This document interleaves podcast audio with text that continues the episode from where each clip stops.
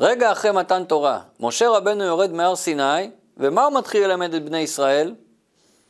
ואלה המשפטים אשר טסים לפניהם, הוא מתחיל ללמד אותם דינים ומצוות שבין אדם לחברו, לא לגנוב, לא לרצוח, דיני ממונות, מסחר בין אנשים, דיני נזיקים, לכאורה דברים הכי פשוטים, דברים הגיוניים. כל אחד מבין שכדי לנהל חברה מתוקנת צריך מערכת כזו של חוקים. בשביל זה לא צריך את התורה, בשביל זה לא צריך את מעמד הר סיני. איך זה שרגע אחרי הקולות וברקים של הר סיני, ההתגלות הרוחנית הגבוהה ביותר, על זה משה מתחיל לדבר איתם? על דברים פשוטים שכל אחד מבין לבד? מה המסר שהתורה רוצה להעביר לנו בזה?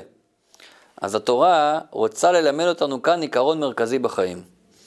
יש מצוות שהן על-שכליות, לא נתפסות בהיגיון, לא קשורות להיגיון האנושי. פשוט כך הקדוש ברוך הוא קבע שצריך להתנהג, וכך אנחנו מתנהגים. לדוגמה, יש דברים שהתורה קבעה שהם טהורים, ויש דברים טמאים.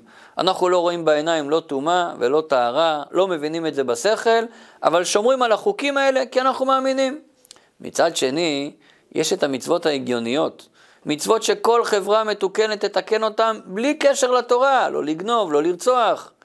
זה ששני סוגי המצוות מגיעים מהר סיני, זה בא לומר לנו שגם את המצוות ההגיוניות צריך לקיים כי אנחנו מאמינים, ולא רק בגלל ההיגיון שבהם.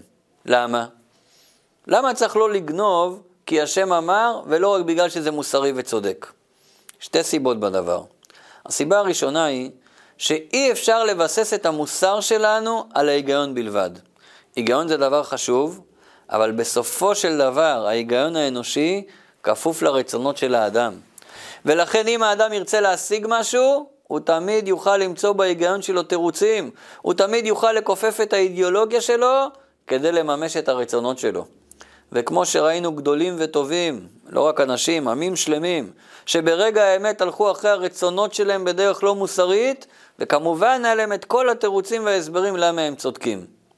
הסיבה השנייה שהמצוות השכליות גם כתובות בתורה היא, כי הם לא באו רק כדי לקיים חברה מתוקנת. גם הם ניתנו על ידי בורא עולם אור אינסוף שלמעלה מכל הבנה והשגה שלנו, ויש בהם סודות עצומים וסיבות עמוקות מדוע צריך לקיים אותם. אם נקיים אותם רק מצד ההיגיון, נפספס את כל המעמקים שבהם. לכן רגע אחרי שמשה רבנו יורד מהר סיני, הוא מתחיל ללמד את הדברים הפשוטים. כי היסוד להכל הוא אנוכי השם אלוקיך ששמענו בהר סיני, אמונה בבורא. רק האמונה הזו יכולה להיות בסיס מוצק לחיים המוסריים שלנו. שבת שלום.